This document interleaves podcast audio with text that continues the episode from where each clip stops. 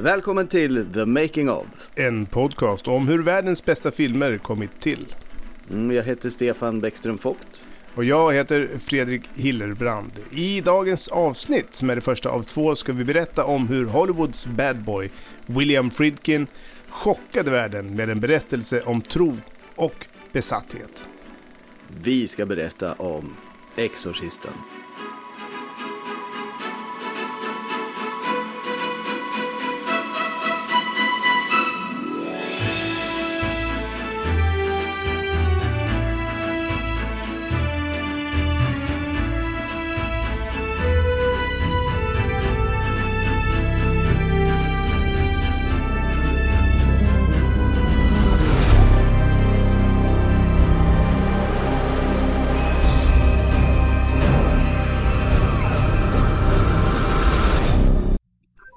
Med risk för att låta som en dålig tagline på en filmaffisch, men eh, äntligen är vi tillbaka.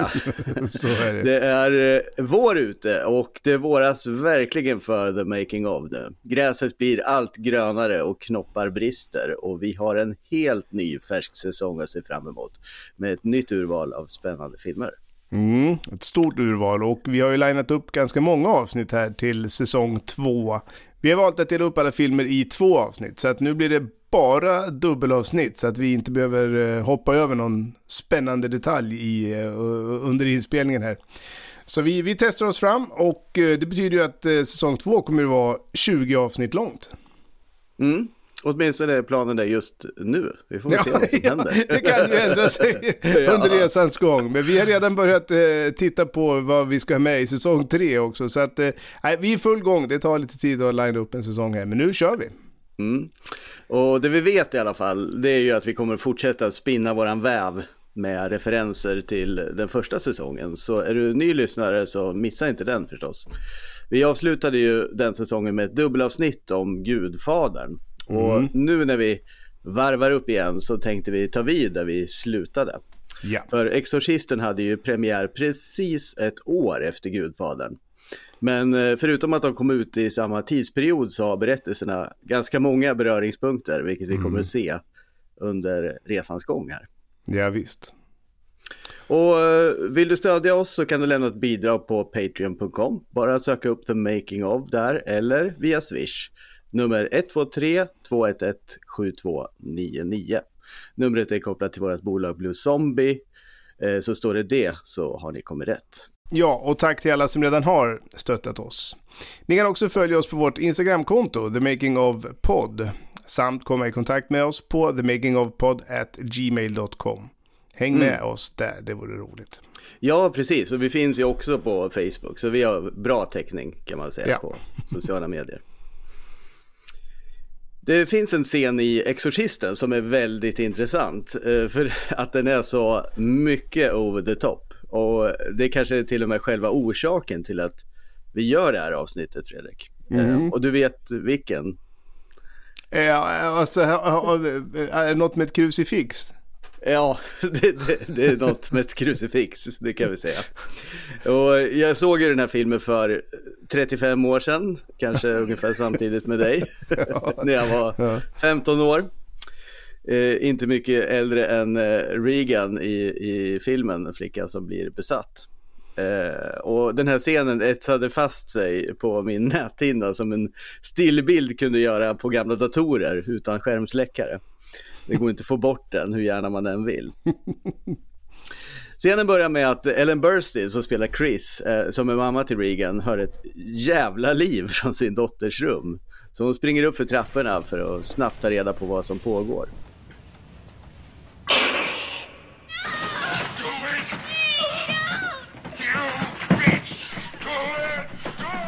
Uff, usch, ja.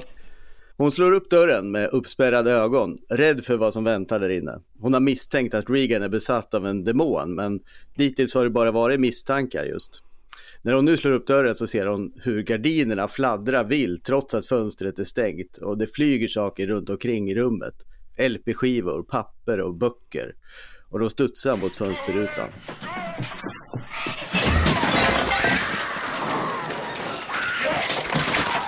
Sedan vänder hon blicken mot sängen där hennes skrikande dotter ligger. Hittills har vi hört henne skrika, men när Chris var på nedervåningen hörde hon också en annan röst. Vi förstår nu att båda rösterna kommer från Regan. Chris blir vittne till att hennes 12-åriga dotter hugger sig själv i underlivet med ett krucifix. Hennes ögon är svarta, läpparna torra och spruckna, ansiktet och nattlinnet är blodiga.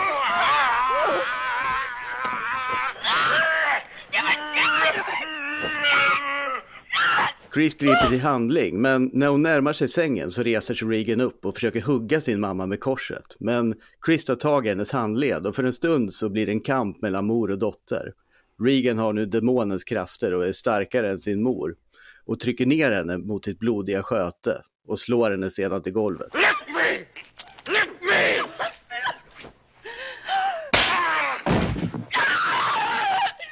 Exorcisten är snart 50 år gammal. Kan du tänka dig det? Nej, det är inte klokt, ja. När det amerikanska studiesystemet brakade samman och självcensuren avskaffades var plötsligt dammluckorna vidöppna, kan man säga. ja. Och eh, frågan är hur censuren fungerar idag. För på pappret så finns det ingen censur, men eh, hade det här verkligen kunnat göras 2022? Nej, alltså... Ja, jag undrar det. Alltså, eh, det hade i alla fall mött en, en shitstorm eh, utan like. Alltså, jag tror ja, att det hade varit väldigt, väldigt svårt. Alltså. Mm. Eh, sen är frågan också, hade Exorcisten varit bättre utan den här scenen? Den hade i alla fall, för, ja det är ju svårt att säga, den hade ju nog kanske inte varit så mycket sämre i alla fall. Alltså det, det är väl. Eh, det är väl, den är ju, ja det är ju väldigt grafiskt, otroligt våldsamt, det är det ju. Ja, det är ju också ett förhållningssätt som vi kommer att se i det här avsnittet till eh, hur, hur man skulle göra den här filmen som eh, verkligen eh, ställs på sin spets kan man säga här i, mm, i den här scenen. Absolut. Men det finns ju ganska många andra också. Ja. ja. eh, och ett annat sätt, förutom då censur, eh, att ta över den här kreativa kontrollen av en film, det är ju dubbning.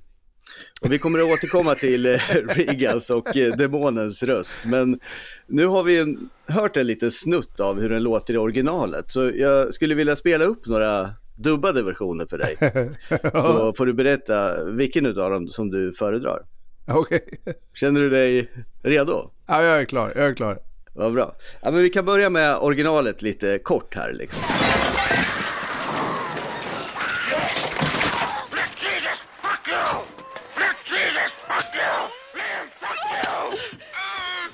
Vi skulle kunna jämföra det med den tyska versionen. Mm, gärna. Lass dich von Jesus ficken! Lass dich von Jesus ficken! Lass dich von Jesus ficken! Lass dig från Jesus ficken. Vad, ja. vad, vad, vad, tycker du? Ja, men det är, det är lite mer snärt i rösten. Ja. Lite ja. spänstigare liksom. Ja, det är precis det ordet som jag letade efter. Det är för att liksom, märk också hur han i slutet kommer in liksom i, i någon form av stim. Han, liksom ja. L, han tar sats i det liksom. Ja, en spänstig jävel. Ja. Här är den ungerska versionen.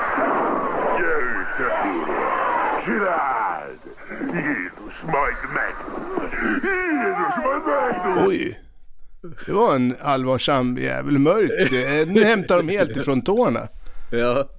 Men även här så märker man ju att det, det är någon som verkligen gillar sin, sin roll. Va? Ja, jo. Jo, det är, det är, det är method acting det där. Mm. Men det är som en skådespelare med ett enormt ego liksom som ja. vältrar sig i sin egen förträfflighet. ja. Men det är ganska spännande för att eh, också de har ju helt frångått originalet där med, som ju är en ganska androgyn röst. liksom, jag tänker vi kan jämföra med bengali-versionen, alltså, den gick åt helt andra hållet. Så kör vi dem efter varann.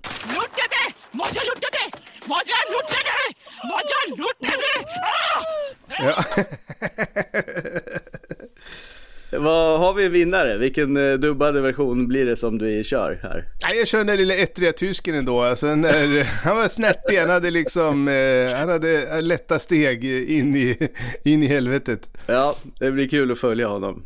Ja. Du, jag tänkte vi kör lite torra fakta om Exorcisten. Ja, låt oss göra det så att alla är med. Filmen Exorcisten hade premiär 1973 och filmen är baserad på en bok av William Peter Blatty och regisserades av William Friedkin. Huvudrollerna innehölls av Ellen Burstyn, Max von Sydow, Jason Miller och inte minst då Linda Blair. Filmen handlar om en ung flicka vid namn Regan som plötsligt ändrar beteende och flera oförklarliga saker sker i huset de bor i. Regan blir gradvis sämre och sämre och allt fler undersökningar sätts i verk för att utreda vad flickan lider av. Vetenskapen tycks inte komma underfund med vad som är fel så modern söker sig till en präst och ber honom genomföra en exorcism på dottern för att fördriva den onde ande hon tycks vara besatt av. Filmens avslutning består av denna exorcism och dessa scener är en del av filmhistorien. Mm. Exorcisten gjordes ju under 1972 och hade premiär då 1973 och eh, det var ju som sagt då en tid som vi har besökt i tidigare avsnitt om Gudfadern då. Men eh, jag tänkte ändå att det kan vara på sin plats att, att ge en fond till den här filmen. För det är ju en film som i många avseenden var ett barn av sin tid också. Nixon var president och tusentals unga amerikanska män kom hem i likkistor från kriget i Vietnam där de hade gett sina liv för någonting som ingen egentligen förstod meningen med. Mm.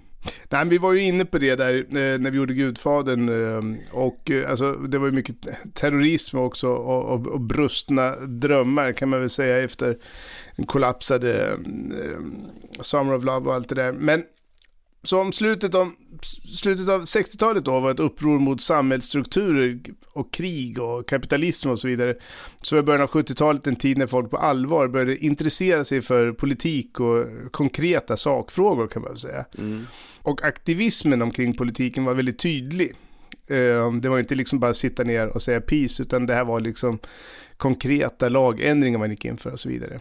Så man utmanade liksom auktoriteter och, och, och eh, Watergate-skandalen var ju igång som alla vet och eh, politiker generellt liksom var under, under kritik. Aktivismen vid den här tiden förde med sig lagstadgade samhällsförändringar då, och kyrkans makt blev svagare. Till exempel så klassades inte längre homosexualitet som en psykisk sjukdom. Tänk sig, va? 50 år sedan bara. Otroligt. Ja, men det är ju inte klokt. Alltså. Och den viktiga domen då i fallet Roe vs. Eh, Wade, som du säkert hört talas om i en massa filmer, eh, medförde då att kvinnor nu själva fick bestämma om de ville genomföra en abort. Och i mm. Texas då, där fallet fördes, var det tidigare så att kvinnor enbart fick genomföra abort om hennes liv var i fara. Men nu blev det alltså en federalt lagstadgad rätt oavsett vilken stat man bodde i. Och mm. det är ju lustigt nu att vi 50 år senare ser det, eh, ja, så är det hotat igen i USA, i vissa stater. Ja. Så det är väldigt intressant. Man kan väl kalla det här då för någon form av juridisk aktivism. Och 70-talet var inte bara det, utan det var även mystik och okultism och fascination för voodoo och främmande religioner. Och det var också här i början faktiskt av 70-talet som väldigt stora steg togs inom digitalisering de första mobiltelefonerna började skissas på och eh, likaså datorerna och tv-spelen och sådär. Mm, precis som eh, Gudfadern så är ju Exorcisten en film som bröt mot det som varit tidigare och kastade filmbranschen in i en helt ny riktning. Och den eh, är ju väldigt färgad som vi vet av sin tid. Den kunde inte ha gjorts fem år tidigare. I augusti 1969 bröt sig Charles Manson och The Manson Family in i ett hus i Benedict Canyon utanför Los Angeles och mördade skådespelerskan Sharon Tate och hennes sällskap. Mm. Ett eh, mord som ekade över hela världen och präglade allt som följde i Hollywood eh, perioden efter. Mm. Och vi kommer att återkomma till det här ganska många gånger framöver, så vi lämnar det med den här ganska övergripande beskrivningen så att säga. Några månader senare då, i december 1969, så samlades drygt 400 000 hippies på en festival i en bondhåla ett eh, par mil söder om San Francisco, som skulle vara västkustens svar på Woodstockfestivalen. The Grateful Dead skulle spela, Jefferson Airplane likaså. Ett par hundra Hells Angels-anhängare hade han litat som säkerhetsvakter i utbyte mot gratis öl också ganska tidstypiskt, ja. man säga. ja. Publiken började bli otålig i väntan på kvällens huvudnummer. Och så dök han upp på scenen. Mick Jagger började sjunga låten med det talande namnet Sympathy for the Devil. Och ett eh, tumult bröt ut. Det var något som låg i luften. Stones växlade över till Under My Thumb och en svart kille lutade sig lite för mycket mot en Hells Angels-anhängare och bråk uppstod. Killen kände sig hotad när han omringades av Hells Angels och gjorde då misstaget att eh, dra fram en revolver. Vips var det tre Angels som massakrerade honom med knivhugg tills han dog. Allt fångades på film förstås. Det mm. finns med i den här Rolling Stones-filmen, Gimme Shelter. Ja. Och bara två år efter The Summer of Love hade ju 60-talet nått sin ände om och om igen. Och när William Bladdys roman The Exorcist nådde bokhandlarna ett par år senare så var världen redo för en mörk berättelse om demonisk besatthet. Mm. Ska vi eh, snacka lite, komma in då på William Friedkin? För att eh, det är ju säkert många som inte har någon klar bild av eh, vem han var. Mm, nej, det stämmer. Uh, William Friedkin var ju då till att börja med regissören till Exorcisten. Och hans eh, tidiga karriär liknade på sätt och vis Coppolas på många sätt. Och tillsammans med Coppola och några till så definierade han det nya Hollywood i början på 70-talet. Och den som lyssnade på avsnittet om eh, Gudfadern kanske minns att eh, Coppola såg Friedkins film The French Connection och vars lätthet och direkthet gjorde att Coppola tappade tron på Gudfadern. Mm. Det var ju bara ett gäng gubbar som pratade ja. ett mörkt ja, det var inga biljakter. William Friedkin kom från en enkel bakgrund. Hans eh, föräldrar och morföräldrar var judar och växte upp i Ukraina. Och det fanns ett eh, historiskt och våldsamt judehat där. Och under pogromer 1903 så mördades tusentals judar. Och många tvingades fly eh, Ukraina då. Och de flesta åkte till USA då. Och Friedkins föräldrar var två av dem. Deras familj bosatte sig i Chicago, där William Friedkin växte upp under mycket enkla förhållanden. Han växte upp i tuffa kvarter och fick eh, lära sig att ta hand om sig själv. Liksom många av sina klasskompisar så sökte han inte vidare till college efter high school, utan high school, att jämföra med grundskolan, eh, var så långt utbildning fick plats i Friedkins liv. Han sökte istället jobb och han visste, till skillnad från sina kompisar, vad det var han ville göra med livet. För vid det laget så hade Friedkin en långt gången kärleksaffär med filmen. Han gick massor på bio och såg filmer som Le Diabolique, Fruktanslön, Psycho och Citizen Kane. Det var hög kvalitetsstandard ja, där. Och han såg dem om och om igen. Och det menar han själv, räddade honom från ett liv i kriminalitet, droger och död. Som många av hans vänner söks in i. Mm. Chicago var knappast ett filmmecka likt Hollywood, men i slutet av 50-talet så hade lokal-tv fått ett stort genombrott och det poppade upp en rad sådana här tv-stationer i Chicago. Local News. Det var billig massproduktion som gav möjlighet till att lära sig och få rutin på saker. Och det uppstod ett behov av arbetskraft och det gjorde att Friedkin regisserade sitt första tv-program redan när han var 22 år gammal. Sen följdes tusentals uppdrag, enligt honom själv. och det var förstås en bra skola eh, om man ville bli regissör. Ja, det är klart. Och han lyckades också med konststycket att få sparken från samtliga av Chicagos tv-stationer. Vi kan ju återkomma till hans eh, personlighet. Ja, utan att spoila något kan vi säga att det överraskar mig inte. Nej. Freakin var inte räddhågsen av sig och gång på gång så gjorde han saker på gränsen till det dumdristiga. Chicago hade områden som var mycket farliga, så kallade no-go-zoner, som enbart befolkades av svarta och eh, där var man ganska ovälkommen som vit. Dit begav sig Friedkin för att filma. Inget fick komma i vägen för hans film. Friedkin började så småningom att göra dokumentärfilmer och hans eh, första, The People vs. Eh, Paul Crompt, 1962 gav ett stort renommé.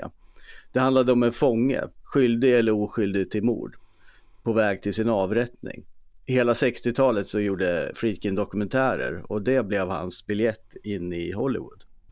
Och när han fick eh, chansen eh, att träffa sin idol Alfred Hitchcock så var han ju såklart exalterad. En av mm. producenterna för The Alfred Hitchcock Hour var en som var en fortsättning på Alfred Hitchcock presenterar hade sett uh, The People vs. Paul Crompt och erbjöd Freakin att regissera ett avsnitt i tv-serien.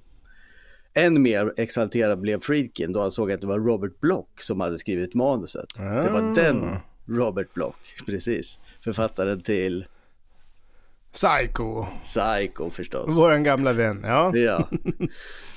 Trevligt att träffas Mr Hitchcock, sa Friedkin och sträckte fram handen. Hitch hade sin välkända uniform på sig. Eh, Svart kostym, eh, vit skjorta, mörk slips. Hitchcock synade honom och såg ogillande ut. Han sa, Mr Friedkin, det är en sedvana att våra regissörer bär slips.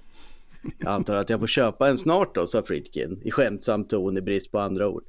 Hitch skrattade inte. Friedkin kände sig förminskad, förolämpad av sin stora idol. Alla dessa egon. Eller hur? Men eh, ett avsnitt i Alfred Hitchcock-timmen blev det i alla fall och det ledde fram till Blake Edwards. Ja, och jag måste ju alltså erkänna att Blake Edwards var, när jag växte upp i alla fall, bland det roligaste jag visste. Alltså under tonåren såg jag så jäkla mycket filmer med Peter Sellers. Och nästan alla de här filmerna regisserades ju av Blake Edwards. Eller i alla fall eh, de stora komedierna eller vad man ska säga. Han var ju under en ganska lång period faktiskt den ledande humorregissören i Hollywood och fick sitt stora genombrott med eh, Breakfast at Tiffany's. Som ni säkert känner igen, inte, om, om inte från filmen så från en eh, poplåt.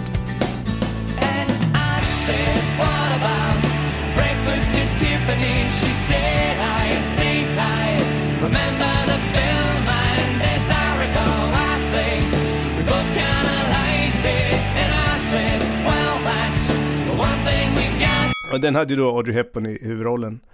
Och eh, tillsammans med Peter Sellers fick han otrolig succé med de här Rosa Pantern-filmerna då. Efter, och inte minst kanske eh, The Party, eller åh, vilket party som det heter på svenska.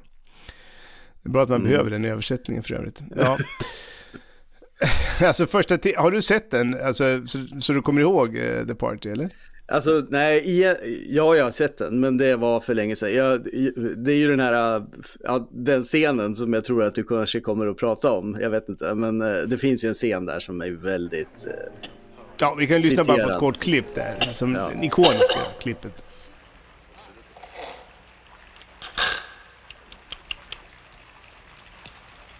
Num num. Num num.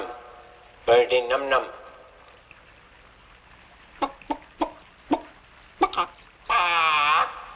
In the world is that? I can't imagine.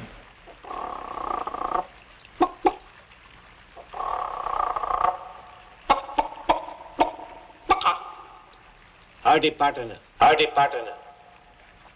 Howdy partner. Partner. Howdy mm-hmm. partner. Så den är ju faktiskt väldigt rolig och väldigt underspelad faktiskt eh, som film. Sen spårar den ur efter ungefär en timme som ja, de flesta filmerna gör. Men ehm, under den här tiden på, på 70-talet då, då var verkligen eh, ehm, Blake Edwards, han var liksom den roliga filmens ansikte. Så att han finns med i den här historien är ju ganska överraskande tycker jag. Hur, hur, Ja. hur, hur får du fläta ihop det här då? Alltså Blake Edwards kom ju från det gamla Hollywood med all makt som det förde med sig. Hans eh, farfar regisserade stumfilm och hans eh, pappa var också regissör och producent. Men eh, Edwards hade gjort sig ett eget namn till slut i Hollywood i alla fall. Med eh, filmerna som du faktiskt nämnde där. Men hans genombrott kom i tv med deckarserien Peter Gunn som han skapat i skiftet där mellan 50 och 60-talet. Och nu ville Blake Edwards att Friedkin skulle regissera en filmversion av Peter Gunn. Så han gav Friedkin manuset och bad dem läsa det. Sagt och gjort. När Edwards frågade vad han tyckte så svarade han att det sög. Eh, Blake Edwards var inte van riktigt vid den typen av bemötande. Men, eh, och när han bad eh, Friedkin att utveckla eh, vad, vad det var han tyckte sög eh, så sa han att det var det sämsta manuset han någonsin läst. Och stämningen i rummet var tryckt. Alla väntade på vad Edwards skulle säga. Men så brast Edwards ut i ett leende. Vad skulle jag göra utan sådana som sa vad de tycker? Så menade han. Det Men eh, det som kanske kunde tolkas som lite raljant eh, och till och med skämtsamt till en början var inte lika roligt med tiden. För när Friedkin utvecklade sina synpunkter ytterligare så blev Edwards mindre och mindre entusiastisk. Och när de skildes åt så var det inga kramar inblandade. Och den här historien slutar med att Edwards själv slutligen regisserade långfilmen Peter Gunn 25 år senare. Det var en film som aldrig nådde biograferna. Han kanske hade rätt då. Alltså grejen är att han har ju ganska ofta rätt tycker jag när man läser den här. Liksom så här det, sen så är han ju väldigt, eh, väldigt drastisk i sina uttalanden får man säga. Ja, en dramatisk typ.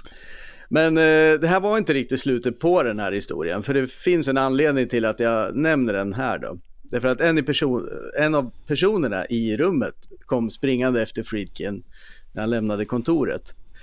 Och det var William Peter Blatty.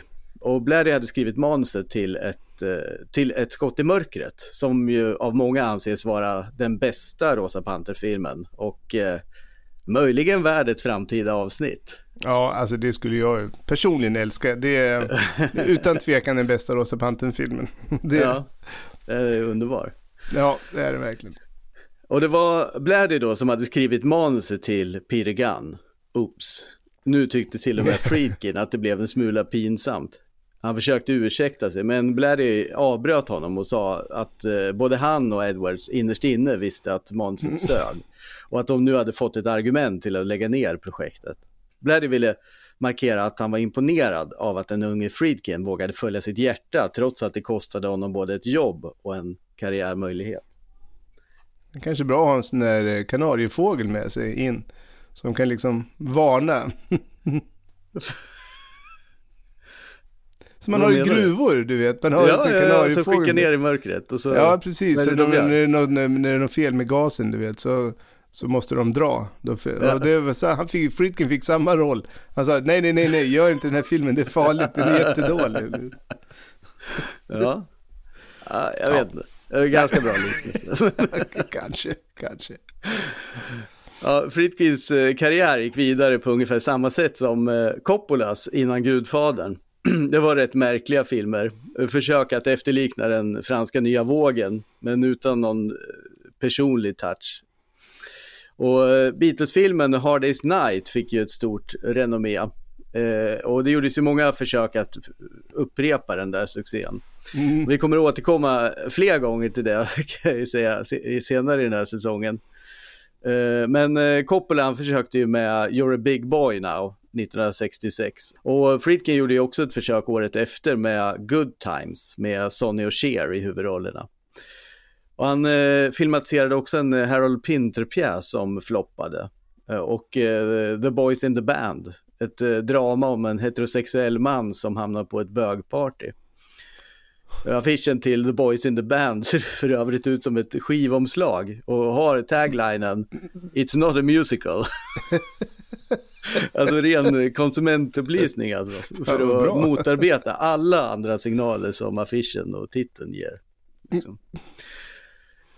Det var inte så lätt att förespå det som skulle komma, precis eh, som med Coppola egentligen. Och eh, ja, just det, by the way, den här tiden förresten så introducerades ju Friedkin under inspelningen för Kitty Hawks, som var dotter till Howard Hawks och de började dejta. Ja, ska vi få med folk så att alla eh, har koll på vem Howard Hawks är? För att det är ju liksom verkligen Hollywood-adel får man ju säga. Det är en av de helt, helt stora regissörerna. Och det lustiga med honom är att han är ju stor i alla genrer. Han gjorde ju screwball-komedier som Bringing Up Baby med Cary Grant och Catherine Hepburn. Och så jobbade han ju då med Marilyn Monroe i Gentlemen Prefer Blondes där vi alltså kan knyta an till vårt avsnitt om Moulin Rouge. För det är där Mm. hon sjunger då Diamonds are a girl's best friend. Men så gjorde han ju även då gangsterfilmen Scarface, alltså den från 32 och The Big Sleep med Bogart och Lauren Bacall. Ja, det är en bra film. Ja. Ja, det är en Många jäkligt bra bra, film. filmer. Om westernfilm också som eh, Rio Bravo och eh, så vidare. Alltså så han var ju jäkligt bred eh, och, och väldigt produktiv också. Lite som Kubrick säger, gjorde han ett mästerverk i varje genre i princip. Mm. Hawks, liksom Friedkin, var ju inte den enklaste personen att vara med. Och fanns det liksom en tillstymmelse till konflikt någonstans så var de ju inte sena att eh, plocka upp den och, och ta sig an den med full entusiasm. Och eh, kanske var det också någon sorts eh, faderkomplex som drog Kitty till Friedkin. Hur som helst hade Kitty inte pratat med sin pappa på över tio år när hon träffade Oj. Friedkin. Och under deras tid tillsammans så gjorde de ett försök till återförening då mellan far och dotter. Och naturligtvis så gick det åt fanders och Hawks ogillade Friedkin skarpt, vilket naturligtvis fick Friedkin att förvandlas från beundrare till antagonist. Ja, Så många idoler som faller ner från eh, sina höga hästar. Där. Ja. ja, att eh, Coppolas och Friedkins karriär liknade varandra var ingen slump heller. För Coppola och Friedkin var goda vänner och diskuterade mycket film med varandra. Och eh, de hade frågor som vart den amerikanska filmen var på väg egentligen. Och eh, de delade sin beundran för de europeiska autörerna, Godard och Fellini i synnerhet. Så de försökte att eh, efterlikna dem då, vilket ju gick sådär. Och vips så gjorde de båda en helomvändning och började göra kommersiella filmer vid ungefär samma tidpunkt. För Coppola så var det ju påtvingat som vi vet med Gudfadern. Mm. Ja. Men eh, för Friedkin så kom det frivilligt. För Friedkin med sin aviga stil hade skaffat sig väldigt många ovänner och började bli rädd för att stå utan uppdrag. Så han gick ut i Variety och annan branschpress och sa att han inte minsann ser sig själv som någon konstnär. och eh, han betraktar sina filmer som en handelsvara. Produkter designade för att säljas. Han menade att alarmklockan börjar ringa i det läget en film är av någon och inte för någon, menade han. Jävla helomvändning. Det är ett totalt konstig jobbannons det där. Ja, ja måste jag känna, känt att det flåsade i nacken på honom att bli arbetslös. Ja, precis. Konst är kul men mat är bättre. Liksom. Ja. Kara saw the scratch marks on Reagan's face, the cuts on her lips where apparently she'd bitten them. I'm. I'm afraid you might hurt yourself, Reagan, he told her. I'm not Reagan, she rumbled. Det här var William Blatty som läste ur sin bok. Han har ju rätt skön röst va? Ja, absolut. Han skulle gärna få köra allt in på mitt, eh, mina ljudböcker. Ja. Ja, William Blatty hade så här långt ägnat sin karriär åt att skriva komedi med bland annat Blake Edwards då, som vi vet. Och det kan ju tyckas märkligt med facit i hand. Eh, för efter Exorcisten så ägnar han ju sig åt eh, enbart åt att skriva uppföljarna till den och andra typer av skräckberättelser. Så han bröt eh, skarpt med komedin till förmån för skräck. Och jag tycker att det liknar ganska mycket våran egen John Ajvide Lindqvists karriär, som började ju som manusförfattare till Svensson och Svensson, för att säga- sedan gå över då till eh, skräckförfattande. Mm. Alltså han eh, jobbade faktiskt inte bara med, eh, med, eh, med skräck efteråt. För att han gjorde, framförallt inom tro, var, det var väl faktiskt det som var hans mest eh, genomgående drag skulle jag faktiskt vilja Ah. säga. Han, han hade skrivit en, en, en novell, novell som heter Twinkle Twinkle Killer Kane. Det Och sen skrev han om den, ja, vad sa du? Det låter som skräck. Ja, så skrev han om den till en roman och så gjorde han eh, en film av den. Och då regisserade han den själv. Och den heter The Ninth Configuration och du har säkert inte hört talas om den, eller det hade i alla fall inte jag. Nej. Och det var en riktig så här, kritikerfavorit. Det är en, visst en ganska surrealistisk film om Guds existens.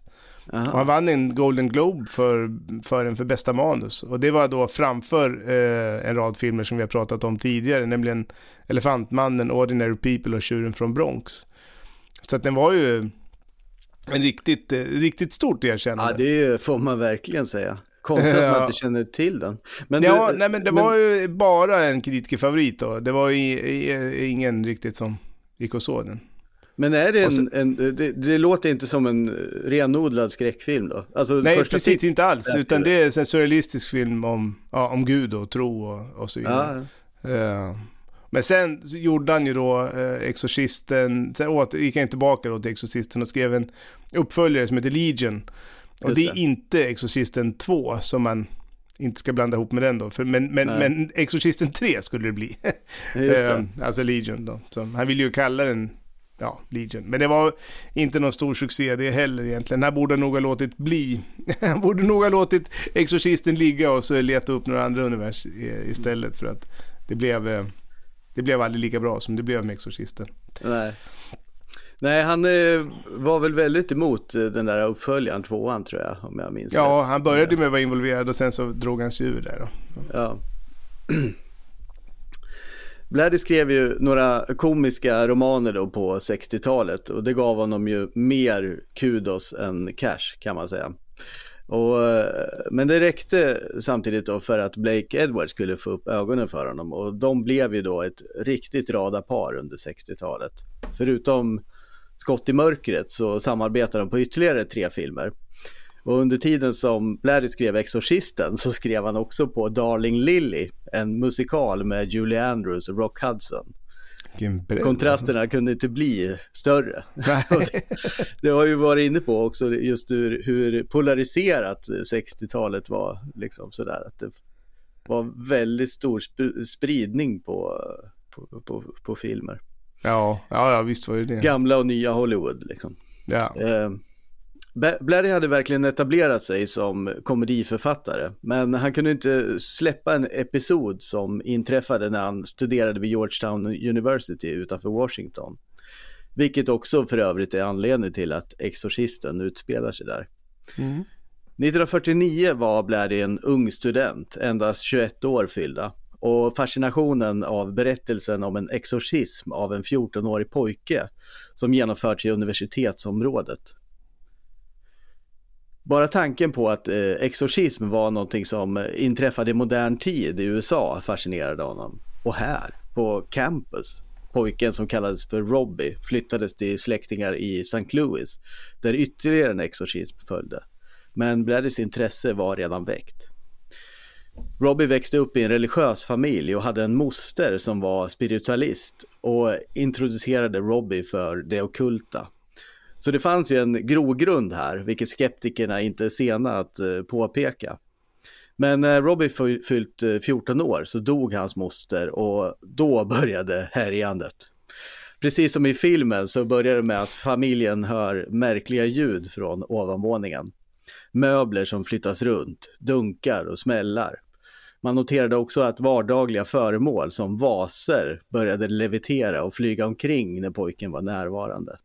Vilket väckte vissa alarmklockor. ja,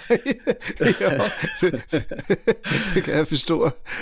Det ledde till att de kontaktade en pastor som var intresserad av parapsykologi, som i sin tur då kon kontaktade en parapsykolog.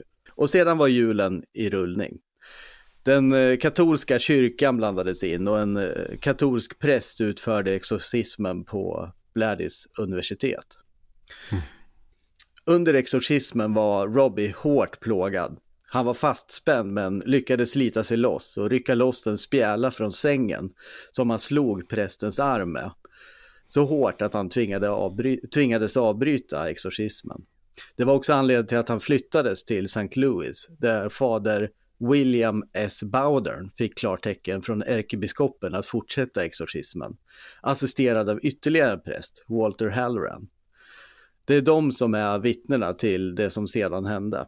Under ritualen framträdde ord som evil och hell som ristningar på pojkens kropp. Sängen skakade våldsamt och Robbie började tala på latin och bröt näsan på Halloran under processen. Och naturligtvis så finns det kritiker som menar att det finns naturliga förklaringar till det som har hänt, om det nu ens hänt. Det faktum är att det inte finns några nedskrivna eh, källor från händelserna är ju ett motargument. Författaren Mark Obstanick menar att eh, Robbie själv hade ristat in orden på sin kropp. Efter att ha pratat med Robbies föräldrar och vänner framträdde dessutom bilden av en person som gillar practical jokes som en liten mörkare karaktär. Och drar därför slutsatsen att detta var ett utav dem. Lite mer avancerat och eh, det innebär ju också att han bröt näsbenet på en präst fullt medvetet. Ja, jag är fortfarande lite nyfiken på hur de där vaserna började sväva. Men... Ja, ja. Senare skulle The Guardian rapportera att Robbies riktiga identitet var Ronald Edwin Hunkeler, född 1935, död 2020. Efter exorcismen levde Robbie ett ganska stillsamt och långt Svenssonliv. Huset i Maryland där allt började stod tomt i många år och det förfallna huset blev föremål för ungdomars I dare you-lekar innan grannarna en gång för alla bestämde sig för att bränna upp djävulshuset från grunden. Berättelsen hängde med Blatty i 20 år innan han insåg att detta kunde vara stoff för en spännande roman. Blatty spårade nu upp den här jesuitiska prästen, fader William S. Bowdern, som utfört exorcismen på, på Robbie.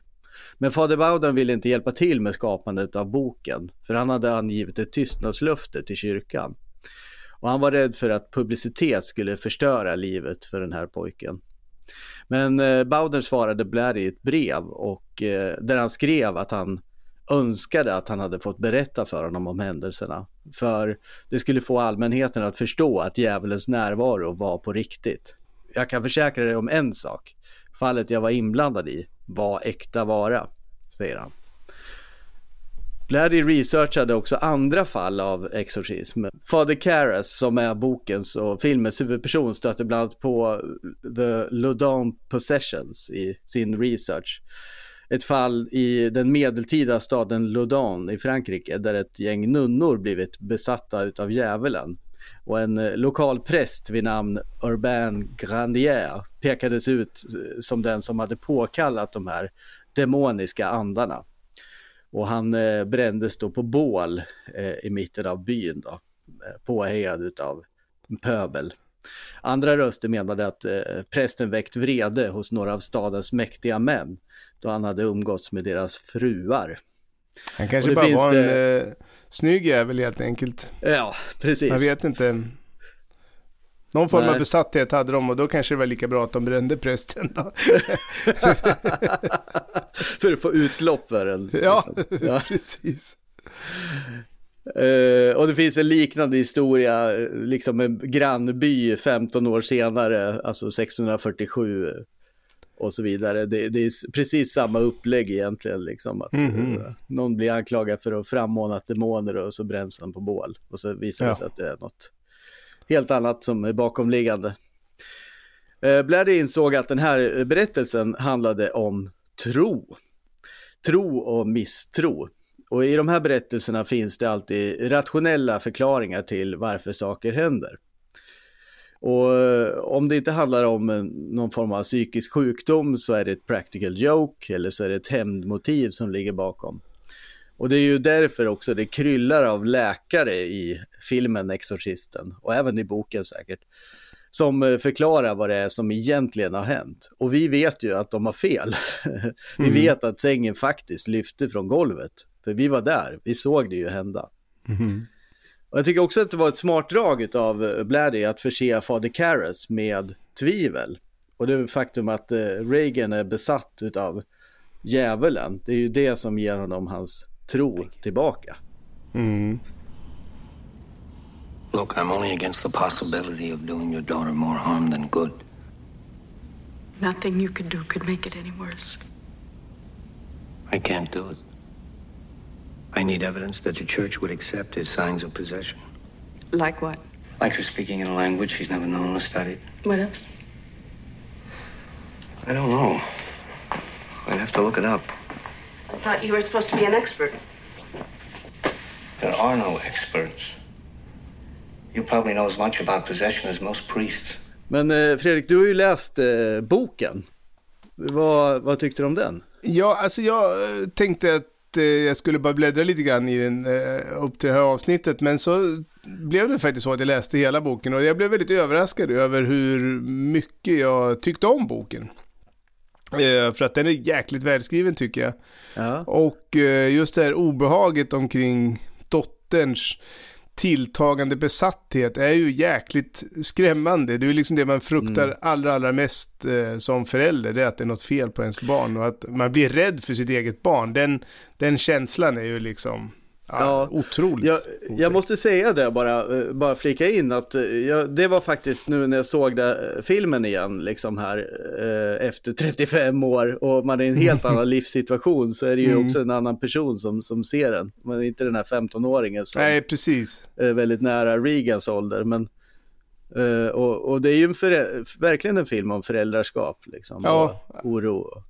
Absolut, alla de där bekymren. Och det är ju liksom, det är väldigt relaterbart och det fyller ju, skulle jag vilja säga, mer i, i boken än det gör i, i filmen. Alltså filmen är ju är, en väldigt trogen filmatisering av, av boken och de jobbade ju, som vi kommer komma in på, väldigt nära omkring det också. Men, men det är liksom, det går, det går långsammare i boken och det är sm- små, små saker som känns mer obehagliga eh, un, under resans gång så att säga i boken. Och det är, väl, det är väl ofta så det är i en bok, en roman är ju, eh, tar ju plats på ett annat sätt än en film gör. Liksom. Så man får ju med fler detaljer. Och så är det just den här, hela den här vetenskapen gentemot tro, eh, fyller, ju- tar ju väldigt mycket plats också i, i, i boken. Då. Så nej, jag tyckte det var väl, väl värt eh, Mm. att läsa den, måste jag säga. Veckans boktips. Ja, April 1971, innan eh, utgivningen av romanen då, började Blatty skicka runt eh, det filmmanus som han också hade skrivit för berättelsen till studiorna i Hollywood. Och han eh, utnyttjade varenda kontakt som han hade fått under sina tio år i Tinseltown, men eh, utan framgång. Det ena refuseringsbrevet efter det andra dök upp i hans brevlåda. Han insåg att han måste byta taktik. Så han bestämde sig för att hoppa över storyavdelningen. Och på något sätt så lyckades han få manuset i händerna på John Kelly, som senare skulle bli styrelseordförande för Sony Pictures, men som nu arbetade mer hands-on som Head of Production för Warner Brothers. Ensam i sitt hus i nattens mörker läste Kelly manuset och det fick håren att resa sig i nacken på dem. Det höll honom sömnlös på nätterna. Om det här manuset gör det här med mig så är det klart att det här måste bli en film i Warner Brothers regi, tänkte han. Warner hann lägga beslag på filmrättigheterna innan boksläppet och det var tur för dem. För det var många som fascinerades av berättelsen om den 12-åriga flickan som blir besatt av djävulen. Boken kom ut i juni 1971 och blev en enorm försäljningssuccé. Gudfadern hade kommit ut ett par år tidigare och blivit eh, tiderna, tidernas snabbast säljande bok. Exorcisten blev något liknande. Den sålde nu i 13 miljoner ex och toppade New York Times Jäklar. bestsellerlista i inte mindre än 17 veckor. otroligt. Mm. Apropå försäljningslistor, i Mm. avsnittet av Gudfader så listade ju du eh, tidernas mest sålda böcker, men du glömde att nämna en. Jaha, vad var det då? Ja, men eh, uppenbara såklart, eh, Bibeln. Ja, ja, jag trodde man fick dem gratis. Men... Ja, det, det, den har väl fått mycket draghjälp kan man tänka sig under åren genom eh, liksom, offentliga upphandlingar utav biblar. Ja, Men den har faktiskt sålt i, sålts i, man tror, över 5 miljarder exemplar genom alla Jaha. tider då. 2000 år har det haft på sig. Så. ja, ja. Jag tror det var lite, jag tror det var en slow starter. Ja. Men jag är inte säker. Innan bokpressen liksom. Ja. Mm. Nu sa du då att det var Warner som köpte rättigheterna och det här är ju en ganska intressant eh, period då i Warners historia. Och min första tanke när vi började researcha på det här att vi skulle var att vi skulle berätta om Warners eh, bakgrund ungefär på samma sätt som vi gjorde om eh, Paramount. Men istället för att berätta om hur de fyra bröderna jobbade sig upp och om deras banbrytande tanke om att göra ljudfilm och alla krigsfilmer de gjorde under andra världskriget och hur eh, storebrorsan Jack lurade sina brorsor och köpte ur dem ur firman och blev eh, Hollywoods mäktigaste man. Så tänkte jag att vi skulle berätta om att det här är ju då perioden i Warners, den första perioden i Warners historia utan en Warner-bror vid makten. För eh, Jack han var ju studiechef och den studiechef som satt i, i längst tid i, i Hollywood. Men han hade helt enkelt börjat tappa koll på vad som hände och valde klokt nog att dra sig tillbaka 1969. Mm, bland annat så försökte han ju stoppa eh, Bonnie and Clyde. Och eh, det hade ju varit ett otroligt misstag om det hade lyckats för att det var ju en jättesuccé.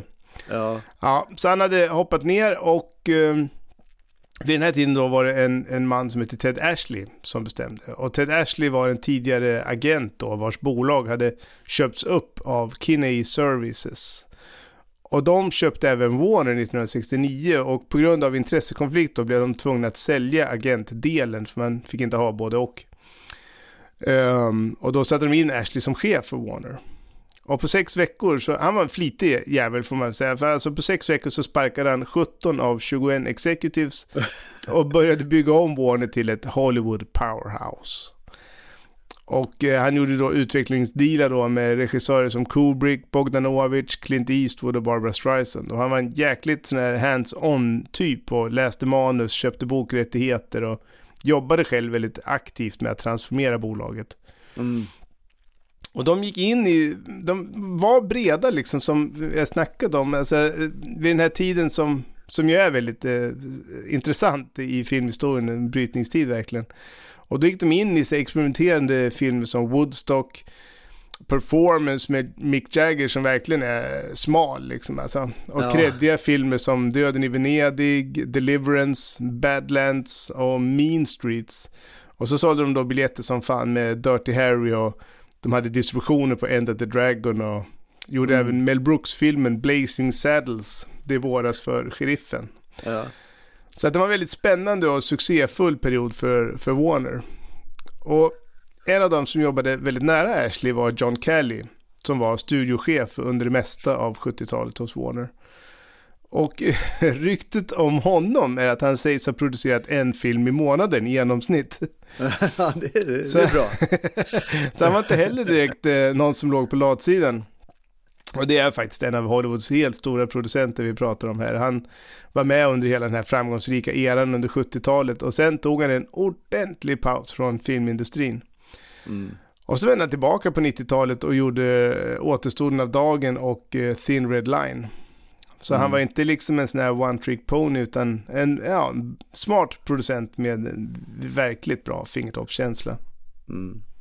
Jag tror jag, eh, innan han, han dog tror jag 2011, eh, han han göra också två otroligt framgångsrika filmer precis innan där. Eh, som var de här filmerna om Robert Langdon Ja, med ja. Tom Hanks, alltså de här, vad heter de?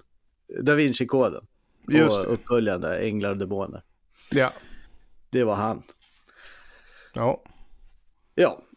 John Kelly radade här då upp eh, The Usual Suspects när det kom till eh, valet, valet av regissör eh, till Exorcisten. Men alla hade de sitt eget skäl till att inte nappa på det här erbjudandet som han kom med. Stanley Kubrick var inte intresserad av det religiösa temat. Mike Nichols, som nyligen gjort Moment 22 tillsammans med Kelly, tackade nej. Han trodde inte att det fanns någon 12-åring som kunde klara av att göra en sån här tolkning. Om det fanns någon så kommer den personen att bli helt fucked up för resten av livet menade han.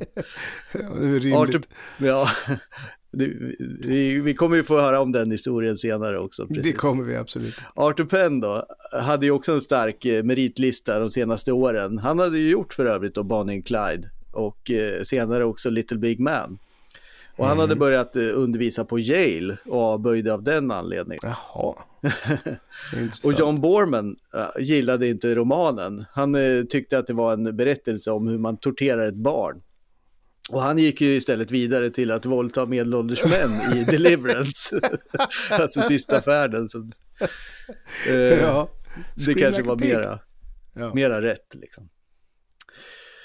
Ja men alltså Stanley Kubrick, Mike Nichols, Arthur Penn och John Borman tackade alla nej alltså. Och hur, hur tror du att Exorcisten hade blivit med någon av de här vid eh, rodret?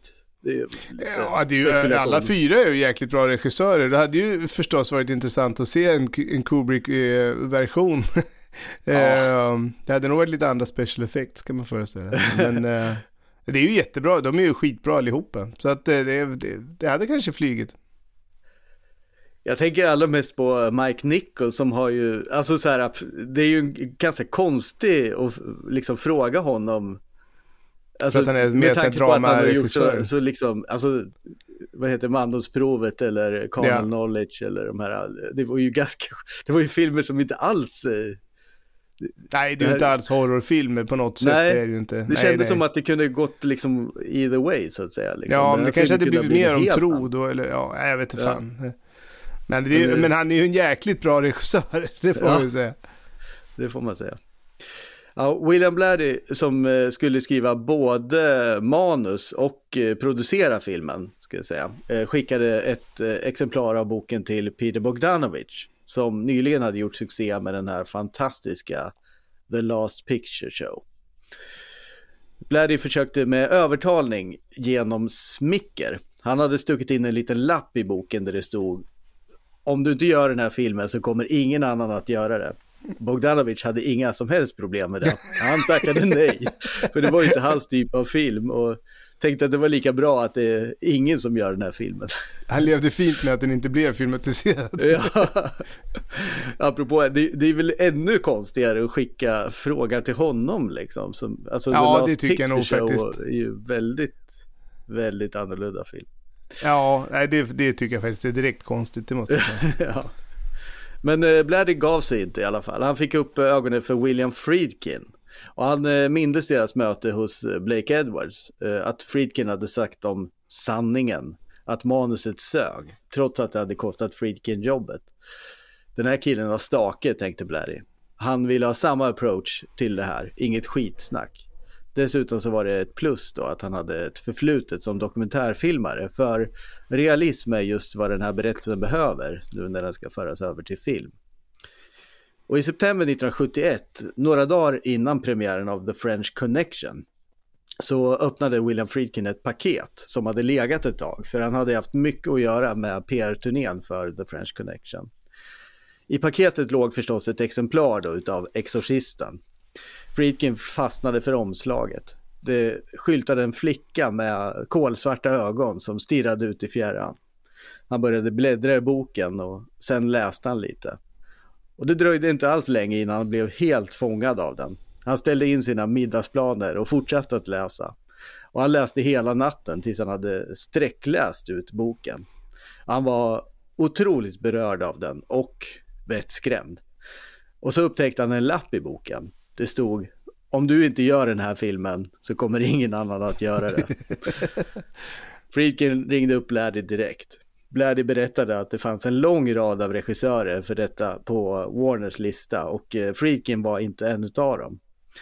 Men eh, Bladdy hade en klausul i sitt avtal där han måste godkänna regissören och han ville ju ha Friedkin. Ett av Friedkins främsta skäl till att göra Exorcisten var att han eh, ville göra en bättre film än eh, Coppola. Coppola hade ju just gjort Gudfadern och med Exorcisten skulle Friedkin kunna bräcka sin polare.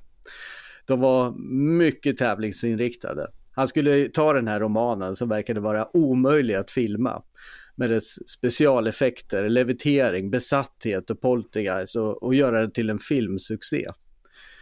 Och det var ju en sak att beskriva det här i en roman, men att visa det på film var ju något helt annat. Det kunde ha blivit fånigt och Friedkin kunde ha blivit ett åtlöje. Så Exorcisten var Friedkins sätt att eh, höja insatserna i tävlingen mot Coppola. Mm. De tycks ju ha en jäkligt grabbig relation de här eh, två. Alltså, det ska ju liksom tävlas hela tiden i erkännande, biljettförsäljning och antal priser och så vidare. Och säkert också vem som har tillgång till bäst bord på de eh, finaste restaurangerna och så vidare. Och vem som har snyggast flickvänner och störst bil och så vidare. Men de var ju väldigt medvetna om att de var en del av the new breed. De var ju liksom jätte, de var goda vänner, varandras beundrare och konkurrenter och väldigt, båda två var väldigt övertygade om sin egen genialitet.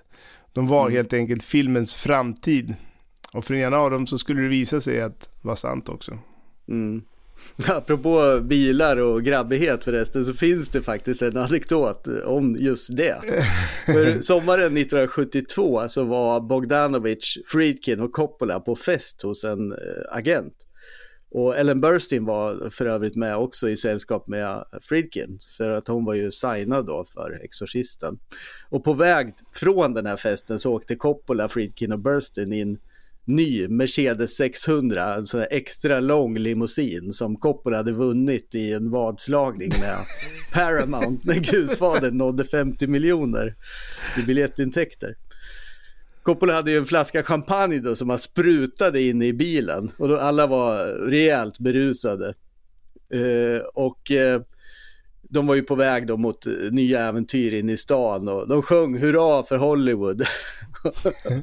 och eh, Bogdanovich hade ju hoppat in i sin egen då Volvo kombi tillsammans med eh, producenten Polly Platt. Och vid ett rödljus så gled den fra- upp liksom bredvid vid sidan av den här limousinen. Eh, uh, freaken lutade sig ut genom takfönstret och skrek Den mest spännande amerikanska filmen på 25 år. Så han citerade en recension av sin egen The French Connection. Han visade upp fem fingrar och sa åtta nomineringar och fem Oscars, inklusive bästa film. Bogdanovich kontrade genom att sträcka ut huvudet genom sidofönstret på sin Volvo och reciterade en mening under en av sina recensioner som han naturligtvis hade memorerat. The Last Picture Show, en film som revolutionerat filmhistorien. Åtta nomineringar och min film är bättre än din. och så kom ju då Coppola då, stor med burrigt svart skägg och sträckte sig upp genom takfönstret och satte punkt på det hela. Gudfadern, 150 miljoner dollar. och Polly Platt då, producenten som satt i Bogdanovich bil, hon tänkte de här tre, de vet att de är skitstövlar, men allting är på skoj. Det är så här Hollywood borde vara. Ja, Och det, verkligen. hon har ju så jäkla rätt med det. Ja, där hade jag faktiskt gärna suttit med. Ja, verkligen. Som alla andra så beundrade ju förstås då Friedkin Coppola. Coppola var ju superstar verkligen. Och eh, här är hans egen take på Gudfadern till exempel.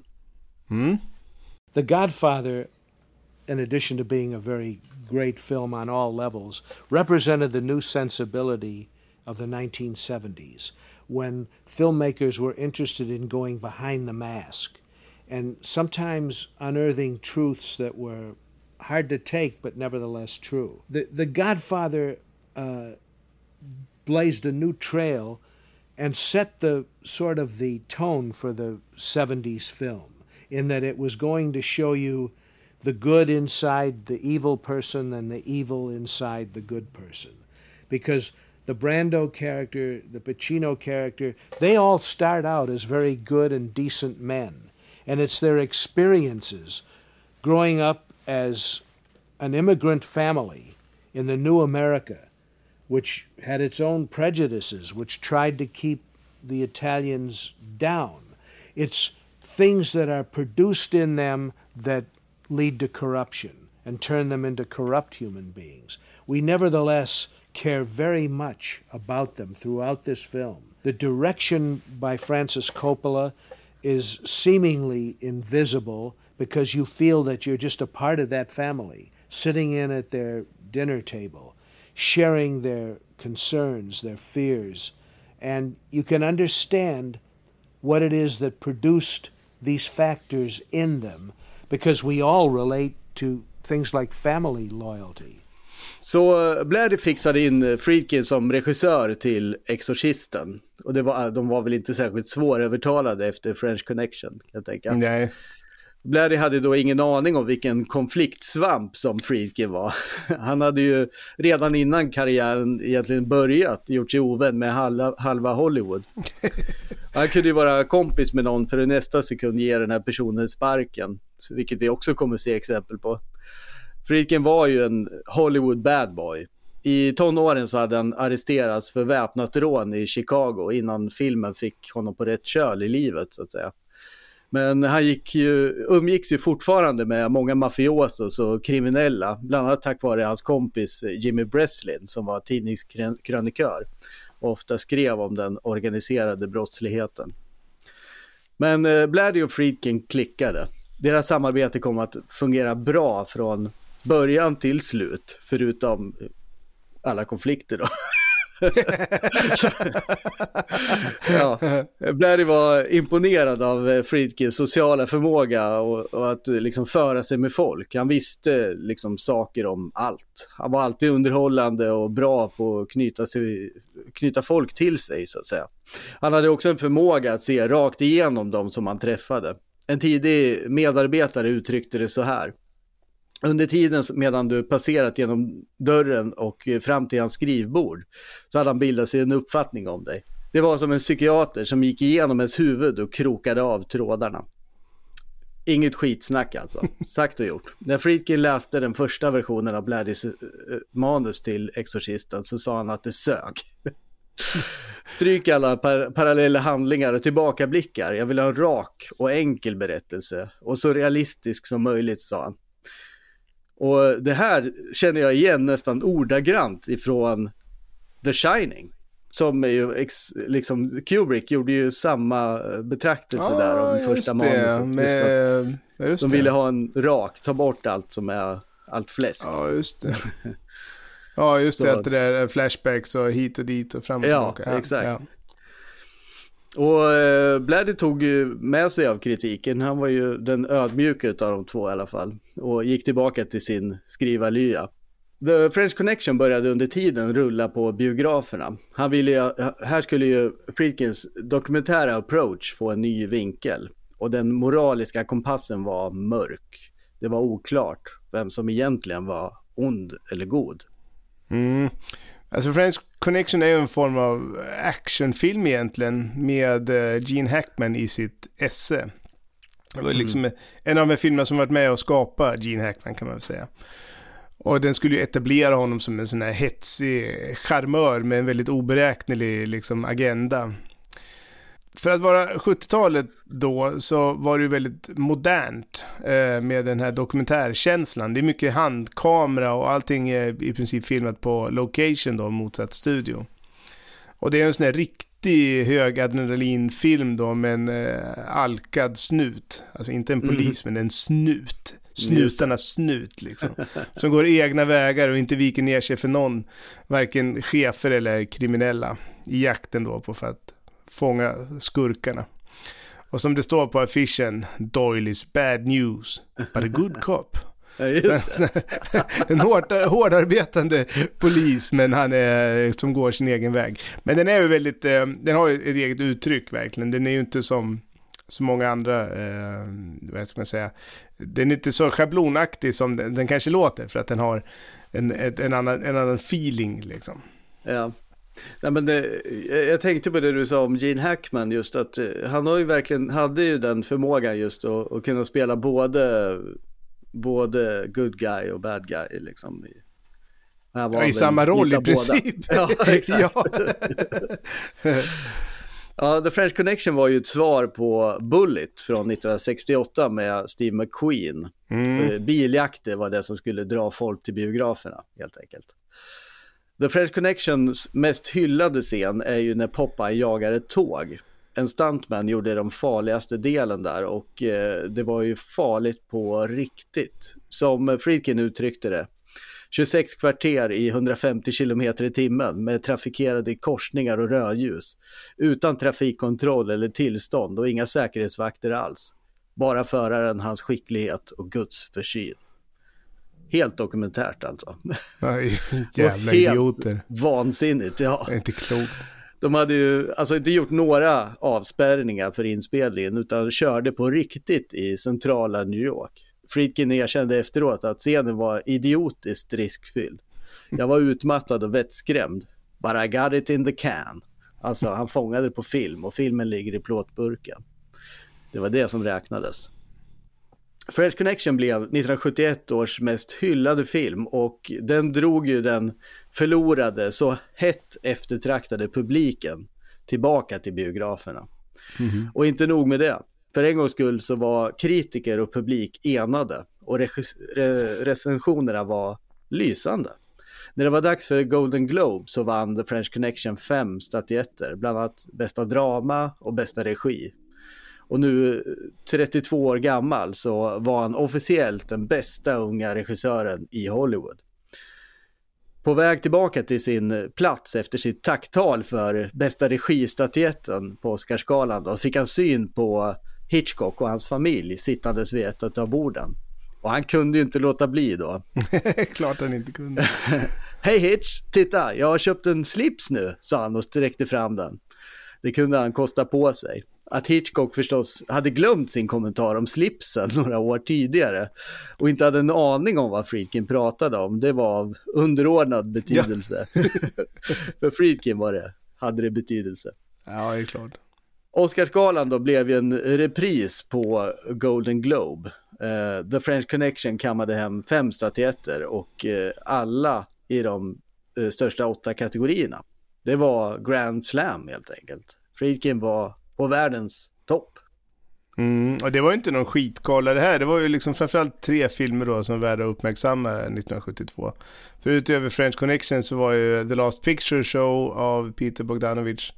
Ehm, eh, ja, hans polare då. En stor favorit. Och sen var ju även Kubrick nominerad för A Clockwork Orange. Ja. Men den var väl säkert lite för kontroversiell ändå för, för juryn va. Så den fick ju ingenting. Nej. Idag är, det, idag är förstås Clockwork Orange en mycket större film än French Connection, men, men eh, ja, den var nog helt enkelt lite för kontroversiell. Jag är nästan till och med lite förvånad att den var nominerad liksom för... Ja, det var sagt, innan den var i alla fall den väldigt- blev förbjuden i flera år i England. Ja, ja. man ju säga. Och sen var ju Spelman på taket var också med i racet här. Eh, och eh, sen har vi då en, av annan, en annan av ja, Hollywoods guider då, som vi snackade om innan, Mm. Mike Nichols som hade gjort eh, Köttets lust där. Blev bland annat eh, Jack Nicholson och Art Garfunkel. Mm. Och där var ju även svenska Ann Margaret nominerad för bästa biroll i just den filmen. Så att eh, det var inte alls någon skräpgala. Inte, inte överhuvudtaget. Och ändå vann French Connection alltså i princip, ja, i princip alla viktiga priser. Mm. Och tänk ändå vilken timing liksom. Coppola och Gudfadern gjorde ju storslam sen på galerna eh, 1973 och 1975. Och Friedkin gjorde ju då storslam 1972. Och utan att spoila någonting så tävlade ju Exorcisten då i 74 års gala. Så de liksom slapp hamna i direkt Ja. konkurrens med varandra. Ja, det är som att suttit och delat upp, eh, del, delat upp Hollywood emellan sig liksom. ja, Men de skulle i alla fall eh, hamna i business med varandra, eh, Coppola och Friedkin. Mm, precis. För nu kommer ju vår vän Charlie Bluedorn in i bilden Bluedorn. igen. CEO för Gulf and Western, som man har saknat honom, eller hur? Ja. Styrelseordförande för Paramount, affärsgeni och komplett galen. Han hade ju nu föreslagit för Coppola att de skulle starta ett, ett nytt bolag tillsammans, så han ville ju ha med sig Friedkin på båten. Det såg ut som en sanddröm eh, för Coppola helt enkelt. Det skulle ju vara ett gäng regissörer i centrum för det här nya bolaget. Regissörer med fullständigt autonomt bestämmande. Som de skulle göra filmer eh, som bara de ville göra. Ingen inblandning från vare sig Blue Bluedorn eller Paramount. Bara de fick in sina pengar. Idén var ju tagen då från First Artists, ett eh, skådespelarbolag med eh, Barbara Streisand, Paul Newman och Sidney Poitier. Men med regissörer istället. På många sätt så var ju det här den absoluta toppen för regissörer på 70-talet. Coppola, Bogdanovich och William Friedkin åkte till New York för att träffa Charlie Bluedorn. Och eh, Friedkin då, som, hade mött, som aldrig hade mött Bluedorn förut, var den första att komma in i hans svit då, i lyxhotellet Essex House på Manhattan. Bluedorn öppnade dörren, böjde sig fram och sniffade på Friedkin. Friedkin, vad är det för shit du har på dig? Velen. Velen, kom med här. Han drog med sig Friedkin till sitt badrum där han hade alla världens aftershaver. Han rotade fram en flaska Verlaine och höll den framför Friedkin. Hytte med den. Han sa, så här gör jag med Galin. Han hällde ut innehållet på, i flaskan på sina skor. Och det här var mitt första möte med Bluedorn, minns Freakin. Och han blev inte mindre galen med tiden. Men det är skönt ändå att han har en sån enorm samling med, eh, med aftershave. Till och med de han inte tycker om. För att han ska kunna Ja. hälla ut dem på sina skor. För att Han var väl tvungen att köpa en ny flaska Verlaine då till Ja, nästa gång liksom. Till nästa gång, ja precis. Ja, sen så följde då en, en lång utläggning om hur Bluedorn för många år sedan hade varit vaktmästare på Essex House. Nu äger jag det här stället. Det är därför jag bjöd dig hit. För du ska lära dig bli smart och tjäna pengar. Som jag. De andra kom och Bluedorn började dra sina idéer. De skulle få göra vilken film de ville under 3 miljoner dollar. Paramount skulle kapitalisera bolaget och bidra med en startsumma på 31 1,5 miljoner dollar. Det var ju rätt mycket pengar får man säga. Ja, det måste det ha varit. Regissören Billy Wilder kommenterade det här med att den här affären borde, borde vinna en Oscar, menade han. Och Blue Dawn såg förstås framför sig filmer då som The Last Picture Show eller French Connection eller Gudfadern. Det skulle vara både cash och kudos. Och han hade ju planetens tre hetaste regissörer hos sig. Det var som att bilda ett bolag med, vad ska vi säga, Chris Nolan, Dennis Villeneuve och Quentin Tarantino. Eller ja, något. eller som att bilda ett bolag med eh, Charlie Chaplin, Mary Pickford, Douglas Fairbanks och eh, W. Just det, det kommer vi återkomma till. Ja. det kommer vi återkomma till för den som ja. vet vad, vad vi refererar till. United Artists. Precis. Men eh, Blue Dawn då, den räven, smider förstås eh, större planer än så. Eh, för The Directors Company, som bolaget skulle heta, skulle ju locka till sig då andra studios, eh, de andra studiosarnas hetaste regissörer, speciellt Warners, som han hoppades då kunna snuva på Stanley Kubrick och Mike Nichols. Och det fanns bara en liten hake. För Blue Dawn hade ju rott ihop den här affären utan att informera Paramounts president, Frank Jablons. Så han ringde honom under mötet.